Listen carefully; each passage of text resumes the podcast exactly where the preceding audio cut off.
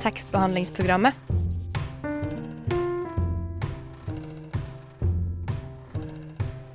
Tekstbehandling på radio.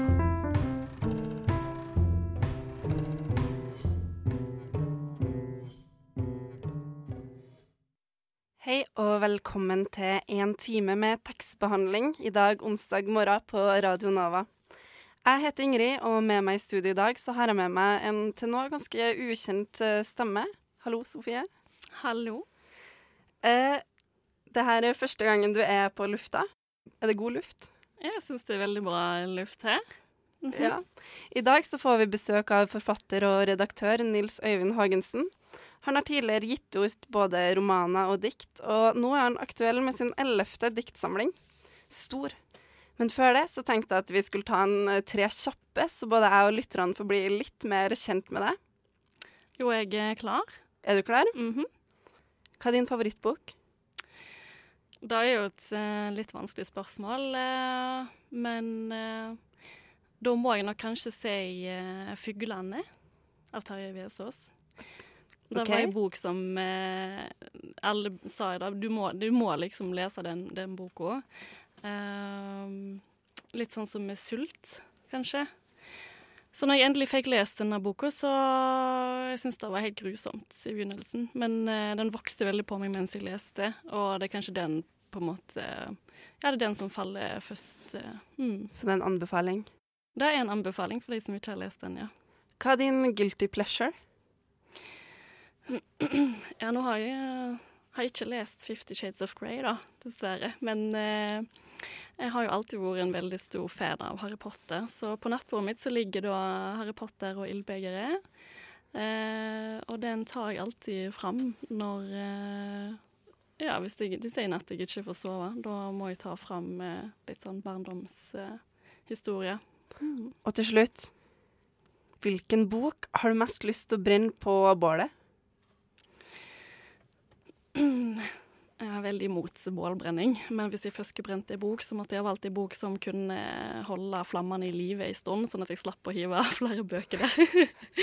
så da må det kanskje bli ei tjukk bok, så vet ikke jeg. eh, Complete Works, eh, Shakes of Shakespeare, kanskje. Eller Norges lover, kanskje. Det er jo Det blir fytt i begge to, tror jeg. Work of Shakespeare og Norges lover er altså det Sofie vil brenne på bålet. Torolf han har vært utegående reporter til et eh, arrangement der flesteparten var samfunnsengasjerte ungdommer. Og han hørte hvilken bok de hadde mest lyst til å brenne på bålet.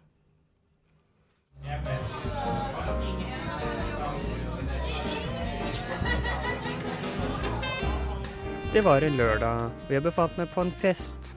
Det var en fest med høyt humør og pink kremant i glassene.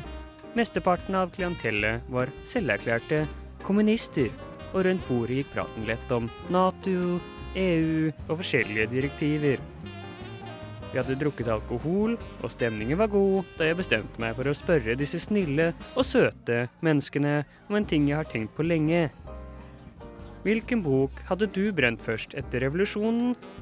Hvilken bok hadde du brent først etter revolusjonen? Jeg måtte bruke mine beste journalistiske egenskaper for å få lirket ut et svar av de spirende politikerne. Revolusjon. Eh, Det har skjedd en revolusjon. Eh, folk har eh, lik arbeidslov, og alt er liksom good. Eh, du skal bare brenne én bok på bokbålet for å fremme eh, saken. Det har skjedd en revolusjon, folk har lik arbeidslov, og alt er liksom good. Du skal bare brenne én bok på bokbålet for å fremme saken. Slik lød mitt spørsmål til kameratene. Et godt formulert spørsmål kommer til sin rett når man behandler pikante temaer. Men det var ikke bare bare å få et rent svar. Men kanskje, hvis jeg svarte på mitt eget spørsmål, smakte på min egen medisin, så å si, ville de kanskje vise meg nok tillit til å svare meg. Jeg tror det første jeg hadde brent, er eh, Haruki Murakami, fordi alt hva Haruki Murakami han skriver. Fordi det er dritt. Det er rett og slett bare crap. Jeg har ikke lest uh, Jeg har ikke lest uh, Jazz After Dark. Jeg har ikke lest eh, IQ1, Q84. Jeg har ikke lest uh... Ting du ikke vet hva er. Nei, jeg har prøvd. Det er bare dritt. Hele dritten. Det er bare dritt. Uh, jeg har lyst til å kaste det på jorda, men det er, det er sider med papir. Så det er ikke vondt.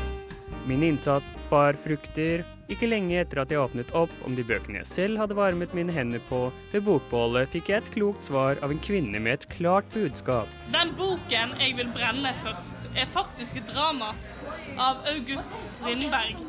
Ibsens store fiende. Og jeg er på Team Ibsen her. Eh, Frøken Jolie. Som er en idiotisk fremstilling av kvinnerollen.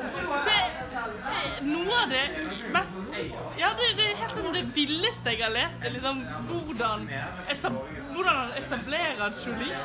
Det er sånn Moren hennes var sånn crazy feminist som brant liksom opp farens hus. Det er bare sånn Ingenting henger på greip, og det er supertydelig at liksom hele stykket bare prøver å liksom formidle Strindbergs kvinneprat, og det er bare kjempedårlig. Og alle burde bare lese Ibsen istedenfor å lese Strindberg. Som forventet spilte det politiske en klar rolle i hvilke bøker som hadde havnet i ilden. Strindberg, den notoriske kvinnehateren fra Sverige, og hans kjente verk 'Frøken Julie' var en klar kandidat. Og litt etter litt løsnet det også for de andre. Det skulle vise seg at det ikke nødvendigvis var det politiske som spilte størst rolle når bøkene skulle opp i flammer, eller at det skulle være litteratur som skulle på bålet. Eh, jeg hadde brent 'Ringenes herre' av tolken. Hvorfor hadde du brent eh, 'Ringenes herre' av R.R. Tolkien? Nei, eh, to grunner. Da. For det første fordi historien er helt fantastisk og ekstremt viktig for eh, kulturen vår. Men boka er egentlig ganske dårlig. Altså, Alle som har prøvd å lese tolken, merker at det er en sånn pinsel du må gjennom som en sånn slags puritansk, protestantisk selvpiningsrituale for å være en eller annen del av en popkultur. Det er en jævlig dårlig bok. Den eh, no, det er aldri i hele jævla boka så er du der actionene skjer. Det er alltid liksom Legolas med alveøynene sine som 3000 mil unna ser noe røyk dukke opp et eller annet sted. Eller noe sånt. da det er aldri, Du er aldri der actionene skjer. Du er aldri liksom på det gode stedet i for, fortellingsplassen. Har du lest eh, Hobbiten? Hobbiten er en veldig god bok. 'Ringenes herre' er en forferdelig dårlig bok. da OK, hvilken bok hadde du brent? EØS-loven. Ja.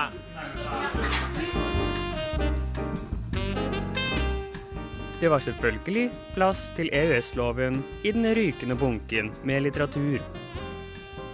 Én ting er sikkert, et varmt bokbål etter revolusjonen hadde vært et godt sted å samles med sine venner, drikke pink kremant og snakke om hvilke bøker man skulle brenne neste gang revolusjonen inntraff. Torolf Høstmælingen, Radio Nova, Chateau Neuf, Oslo, Norge, Europa, verden.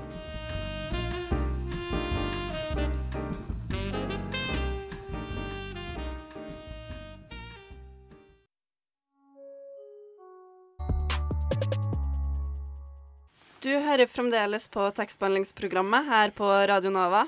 I stad så hørte vi DGU, Lille Leon, med 'Brenner deg'. Og før det så hørte vi Torolf snakke om hvilke bøker som um, ja, folk helst vil ha brenne på et bokbål. Nå har vi fått besøk av forfatter og redaktør Nils Øyvind Hagensen i studio. Velkommen. Tusen takk. I stad så hørte vi jo redaksjonsmedlem Torolf sitt innlegg om hva folk på dette arrangementet ville brent på bålet etter en tenkt revolusjon. Eh, og eh, Nils Øyvind, hva bok eh, ville du varme hendene dine på? Uh, nei, det får bli mine egne, da. nei, jeg har ikke lyst til å brenne bøker, egentlig. Det er noe man vokser av seg, kanskje. Du var jo litt enig og uenig i noen av de bøkene på innslaget. Uh, nei, jeg er enig og uenig. Um, nei, det, det var jo veldig um, Det var jo veldig bestemte gutter, da, og um, Jeg har jo ofte lyst til å være yngre enn jeg er, men jeg hørte det innslaget, så kanskje det var like greit å være voksen. Det passer bra at du sier det, for vi er jo egentlig her for å snakke om den nye diktsamlinga di, 'Stor'. Og Kanskje du forteller litt om hva slags bok det er? Eh, jo, kan jo det. Det er ikke så fryktelig lett alltid å, å si hva en diktsamling er. Den er veldig veldig mye rart. Men den er jo det, da. Den er jo ei diktsamling, iallfall. Um, som jeg skreiv over en liten periode. Den er også um, en uh, veldig fri oppfølger til en roman jeg skreiv for noen år siden som heter Liten. Det er jo ikke så fryktelig mange som har fått med seg det, men uh, det kan jo være at sjangeren forvirrer litt. Men i Liten så forteller jeg jo om en som har litt problemer med ting som skjedde da han var liten. og i Stor så skriver jeg dikt om en som har litt problemer med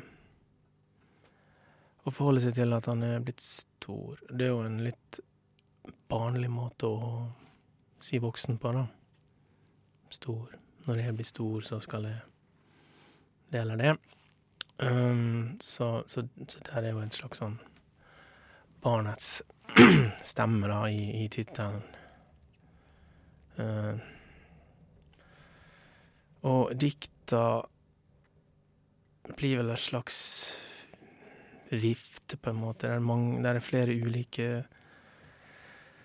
sentrale voksne tematikker som på en måte um, utgjør et slags liv, kan man si. Eller altså ikke et liv i, fra fødsel til død, men et, et, et liv i, i en, en, gitt alder, da, kan du si. Der er avdelinger om klassetilhørighet, om vennskap, om uh, kjærlighet og sex, og om ensomhet og fellesskap og undring.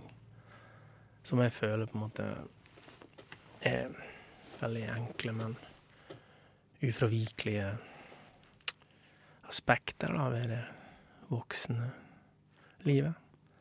Mm -hmm. Så den utfolder seg på den måten, da, kan man si.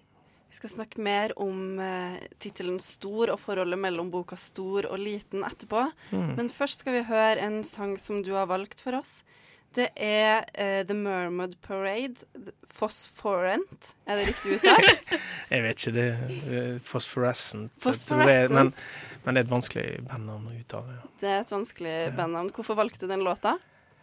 Uh, Gjorde det vanskelig for oss? nei, nei, nei. Jeg er glad i det bandet av flere grunner. De har mange, fine sanger, og vokalisten har en veldig en fantastisk fin stemme, syns jeg, som bare jeg syns er veldig behagelig og trøstende på et eller annet vis. Da. Men um, 'Mermaid Parade' er en veldig trist sang. Uh, disse sangene som jeg har uh, levert, kommer fra ei spilleliste som heter Stor, som jeg laga mens jeg skrev boka. Så sangene er knytta til de deler av uh, samlinga. Og 'Mermaid Parade' går vel også på den kjærlighetsbiten, for det, det, det er en sang om og um, at kjærlighet går i stykker, og, og at, man, at, man, klarer seg. Og det er jo det som er å være voksen. Det går i stykker, men nei, du klarer det.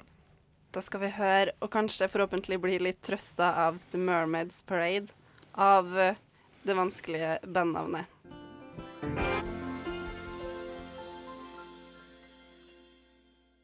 Du lytter til Radio Nova. Innøvd. Som om de hadde terpet på denne scenen om og om igjen.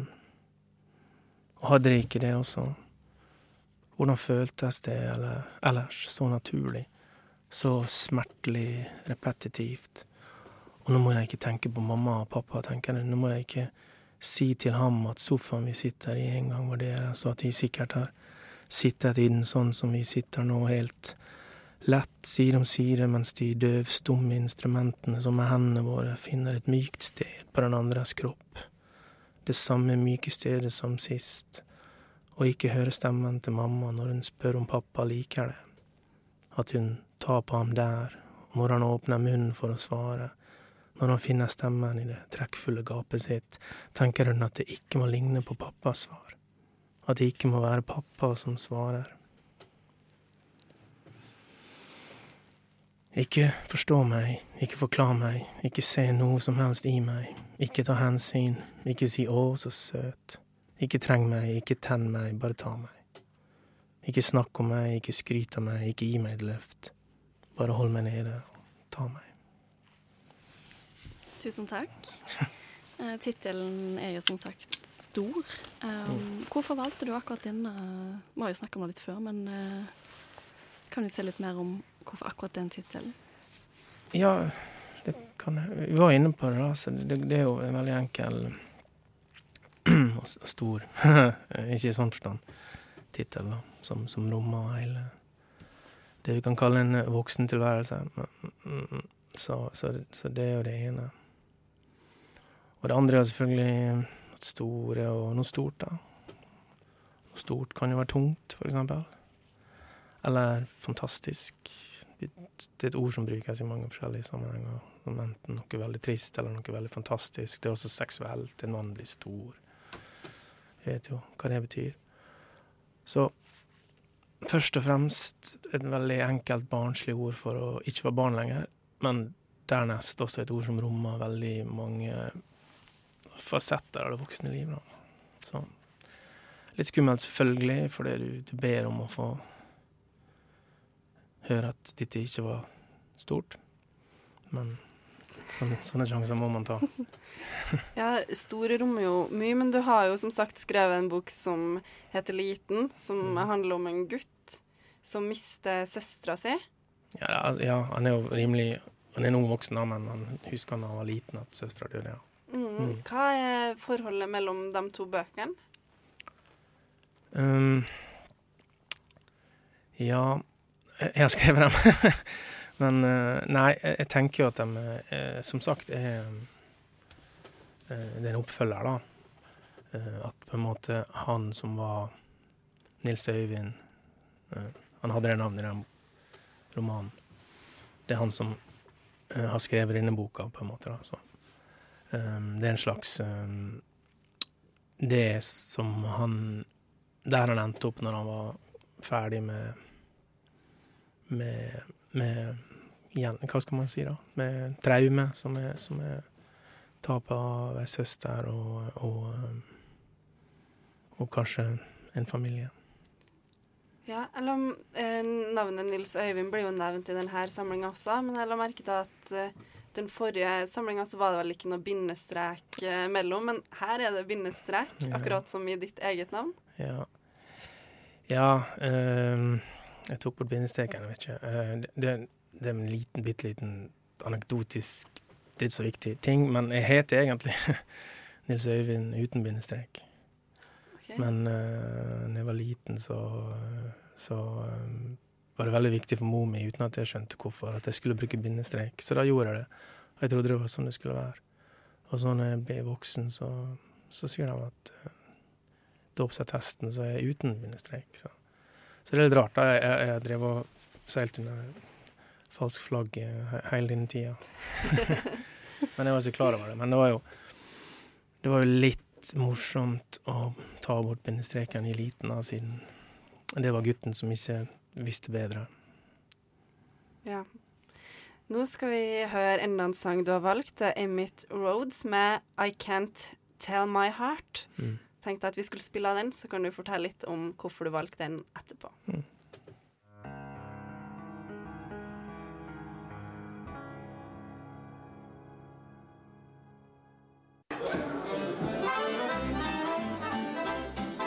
Hvis du går hjem med noen og de ikke har bøker, ikke knull dem. Hilsen tekstbehandlingsprogrammer. Yes, det er et eh, hot tips fra oss i tekstbehandlingsprogrammet. Før det så hørte vi Emit Rhodes med I Can't Tell My Heart. Og det var en låt som du, Nils Øyvind, valgte for oss. Mm. Eh, hvorfor valgte du den? Ja, den var jo også fra denne spillelista jeg tenkte jeg kunne velge fra, siden vi skulle snakke om stor. Ja, som jeg har- lagde når jeg skrev stor. Jeg pleier å gjøre det når jeg holder på med bøker, så bare lager jeg en så putter jeg sanger inn der som av en eller annen grunn jeg føler har et eller annet slektskap med den følelsen eller den eh, tankeuniverset som boka eh, lever i. da. Og um, I Can't Tell My Heart, der er en seksjon litt seint i boka som heter Undringer. Um, der jeg kanskje ser for meg at denne mannen som i, i boka kanskje er enda eldre igjen, og det er litt enklere dikt som på en måte har et avklart forhold til verden, i den forstand at du er enig med deg sjøl at ikke du forstår verden, at det er undringer som finnes. da. Jeg ser for meg Olav og Hauge på tunet sitt, er liksom det rollemodellen der. Og denne sangen eh, passer godt inn, syns jeg, fordi han sier eh, at han ikke han skjønner ikke hjertet sitt. Han, han skjønner ikke engang sine egne følelser, og han kan ikke beordre hjertet sitt heller, så han må bare bli revet med og, og, og liksom bli tatt av denne strømmen da, som er hans eget liv. Og det er jo ikke så passivt, selvfølgelig, i virkeligheten, men, men dette er jo en sang.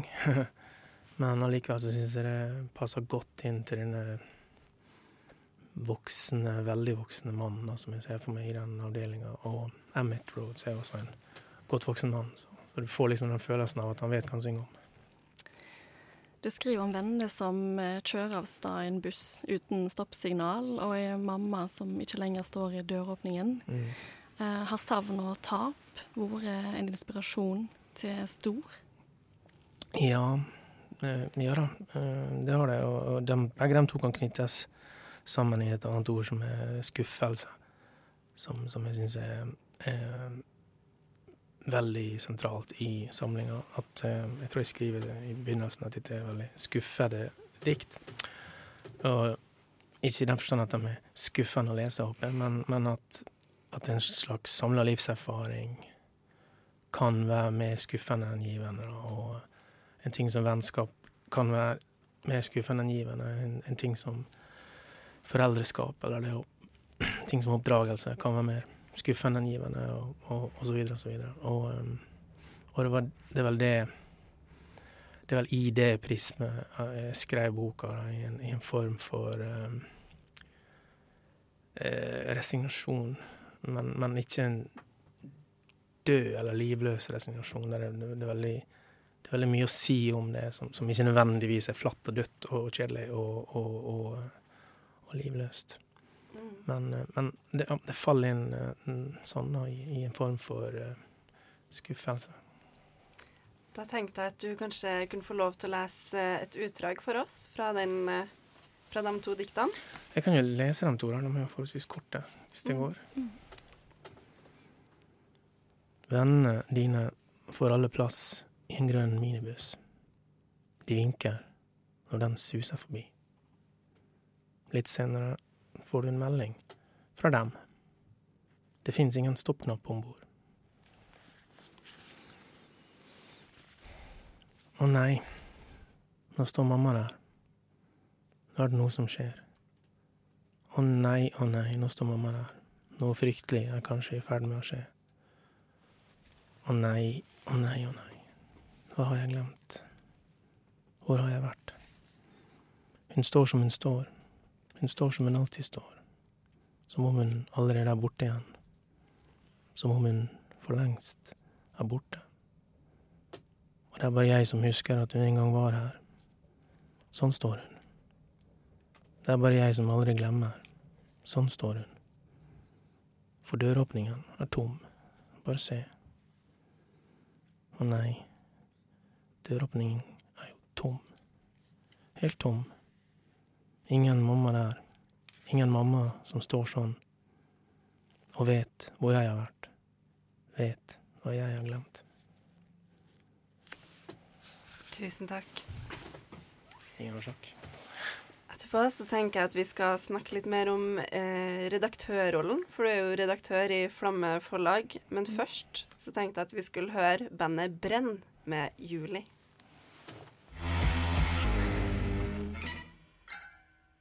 Det var sangen 'Juli' med 'Brenn'. Du hører fremdeles på Radio Nova, og fremdeles så har vi med oss forfatteren Nils Eivind Hagensen. Men du er jo ikke bare forfatter, du er også redaktør i Flamme forlag. Mm. Hvorfor følte du behovet for å starte et forlag?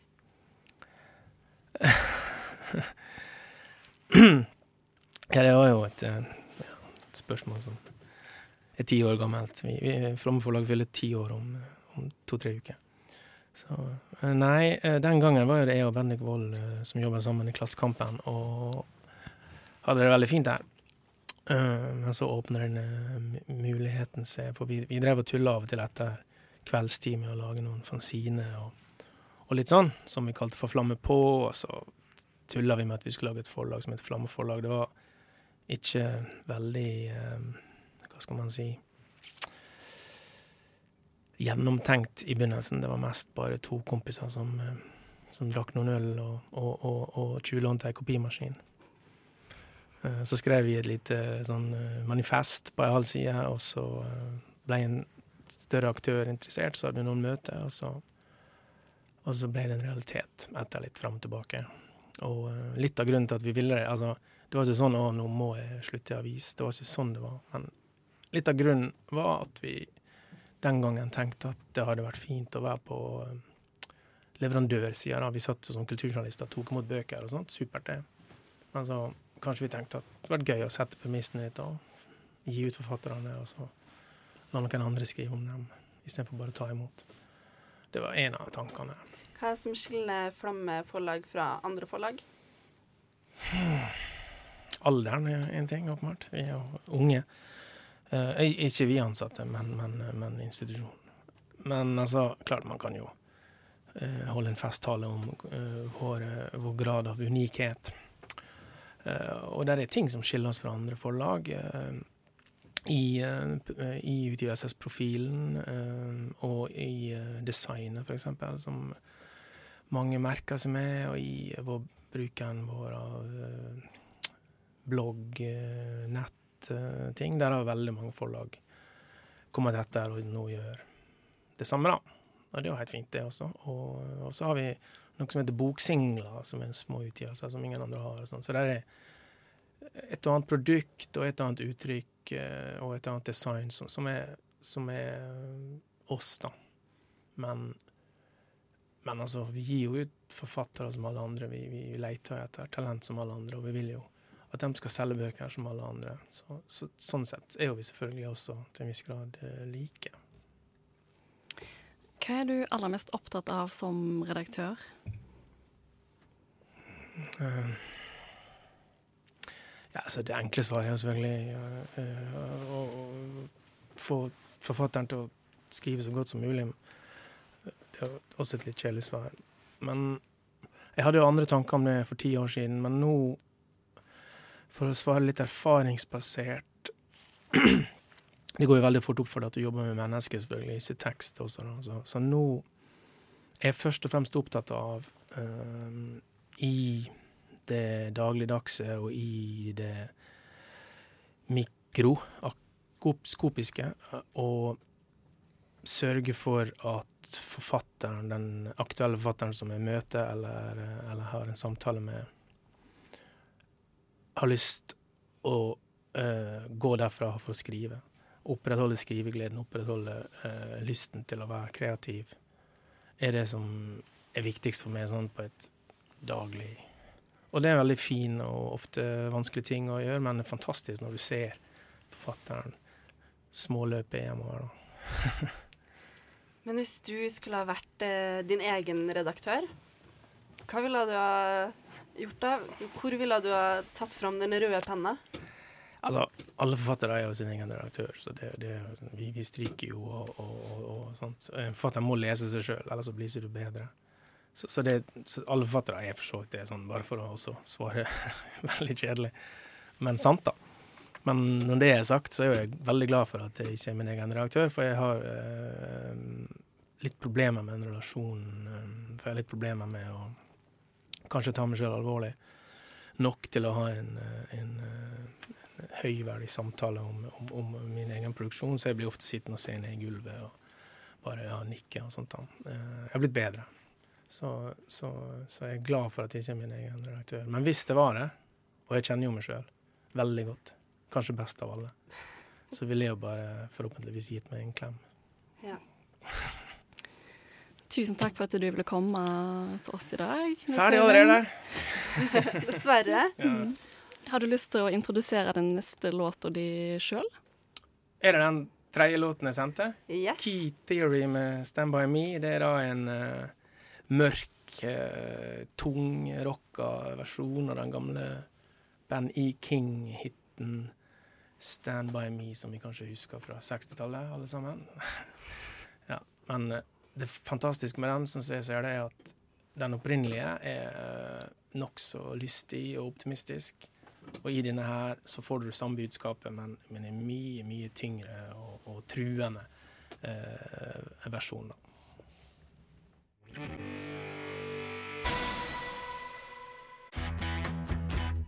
Hallo, mitt navn er Knut Nærum, og du hører på tekstbehandlingsprogrammet. Jeg går i hvert fall ut fra at du gjør det. Det var KI Theory med Stand By Me. Eh, Nå skal vi ha et nytt eh, innslag. Eh, I 1985 så skrev den russiske forfatteren Vladimir Sorokin en bok om en kø. Å stå i kø var en stor del av livet til sovjetborgerne, og nå skal vi få bli med inn i dette livet. Jeg skal fortelle om boka 'Køen', og om mine egne erfaringer rundt dette temaet. Hvem er sist? Kamerat. Visste du at noen faktisk har skrevet ei hel bok om en kø? I fjor tilbrakte jeg en periode i Russland, og en ettermiddag var jeg innom et lite postkontor ved Leninplassen. Dette var i St. Petersburg, og jeg bodde i en leilighet like ved. Da jeg kom inn på postkontoret, sto det mange folk og venta. De fleste var pensjonister som skulle hente pensjonen sin. Men det var ingen synlig kø. Mens jeg står i døråpningen, hører jeg plutselig at noen sier Jeg er bakerst i køen. Jeg ser bort på mannen, nikker og smiler til svar. Ikke lenge etterpå kommer det en ny kunde inn. Hvem er sist? spør han. Raskt forstår jeg at det er min tur til å svare. Køen beveger seg sakte, og jeg som hadde tenkt å tilbringe kvelden med restemat og Netflix, skjønner snart at jeg må hoppe rett til kveldsmaten når jeg kommer hjem. Likevel, etter rundt to timer i kø på postkontoret, har jeg lært meg både fornavn og farsnavn på de fleste, fått ei oppdatering om været i St. Petersburg de neste dagene, lært meg hvor lite pensjon russerne får utbetalt, og smakt heimesylta agurker fra ei lita bestemor inntulla i skaut. Opplevelsen jeg hadde på postkontoret i St. Petersburg en høstdag i 2017, er likevel bare et svakt ekko fra kølivet som regjerte i det sosialistiske samfunnet i Sovjetunionen. Og for meg som er født etter Sovjetunionens fall, er det vanskelig å forestille seg alle disse menneskene som sto i kø i timevis etter mat, klær og importerte varer. Nettopp dette fenomenet har forfatteren Vladimir Sorokin klart å fange i boka med det passende navnet Køen. Det er ikke noe narrativ i boka til Sorokin, bare et hav av stemmer, et hav av replikker. Det er som å lese en transkripsjon av et båndopptak. Noen ganger kan en følge en dialog, men plutselig blir den avbrutt av nye stemmer. Leseren blir kjent med ungdommer som snakker om musikk, en gjeng menn som drikker seg full på vodka, Vadim og Lena. Om natta finner køståerne plass på benker og i bakgårder, og den tidligere så pratsomme køen blir stille. I boka er det bare tomme sider. Helt til køen våkner igjen. Det er både ordene, men òg fraværet av de, som driver handlinga. Vi som leser, får aldri helt vite hva som faktisk blir solgt i enden av køen. I starten snakker folk om sko, etter hvert eh, jakke og møbler. Men køen blir gradvis et levende monster som ingen kan slippe unna. 200 sider med køprat blir avslutta med et etterord av forfatteren. Et farvel til køen. Det er en liten historietime for de av oss som aldri har opplevd Sovjetunionen. Og han forteller om køen som et flerhoda monster, et ritual som erstatta nattverden. Det som likevel fenger meg aller mest, er et nostalgisk tilbakeblikk på tiår da køen var daglig kost for sovjetmennesket. Sorokin forteller om Moskva i 1971. Et Moskva full av poppeldun.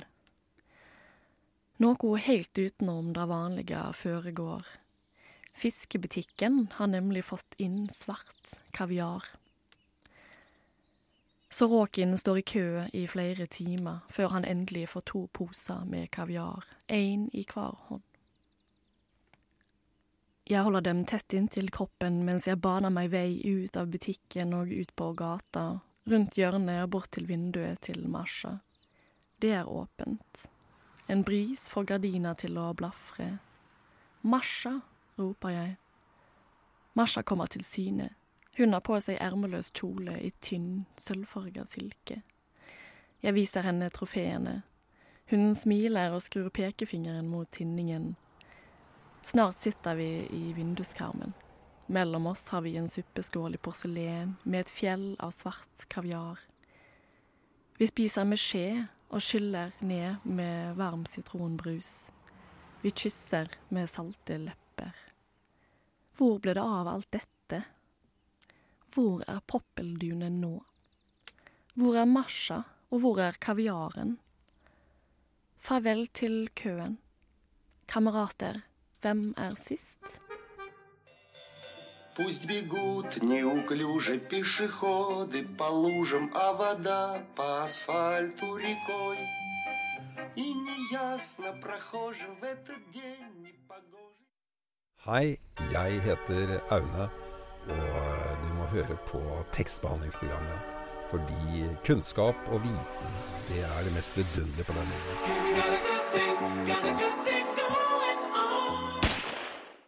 Sendinga er dessverre over for denne gangen, men vi ses selvfølgelig neste onsdag. Da kommer den ferske vinneren av Nordisk råds litteraturpris, Sheznan Shakar. Men hva kan man gjøre i mellomtida, Sofie, hvis ventetida blir for lang? I mellomtida så kan du høre tidligere program på iTunes, Acast og Soundcloud. Følg oss gjerne på Insta og Facebook. Yes. Og i studio i dag var meg, Ingrid Widsten. Og meg, Sofie Meirånes. Tekniker var Joakim Foss Johansen. Tekstbehandlingsprogrammet.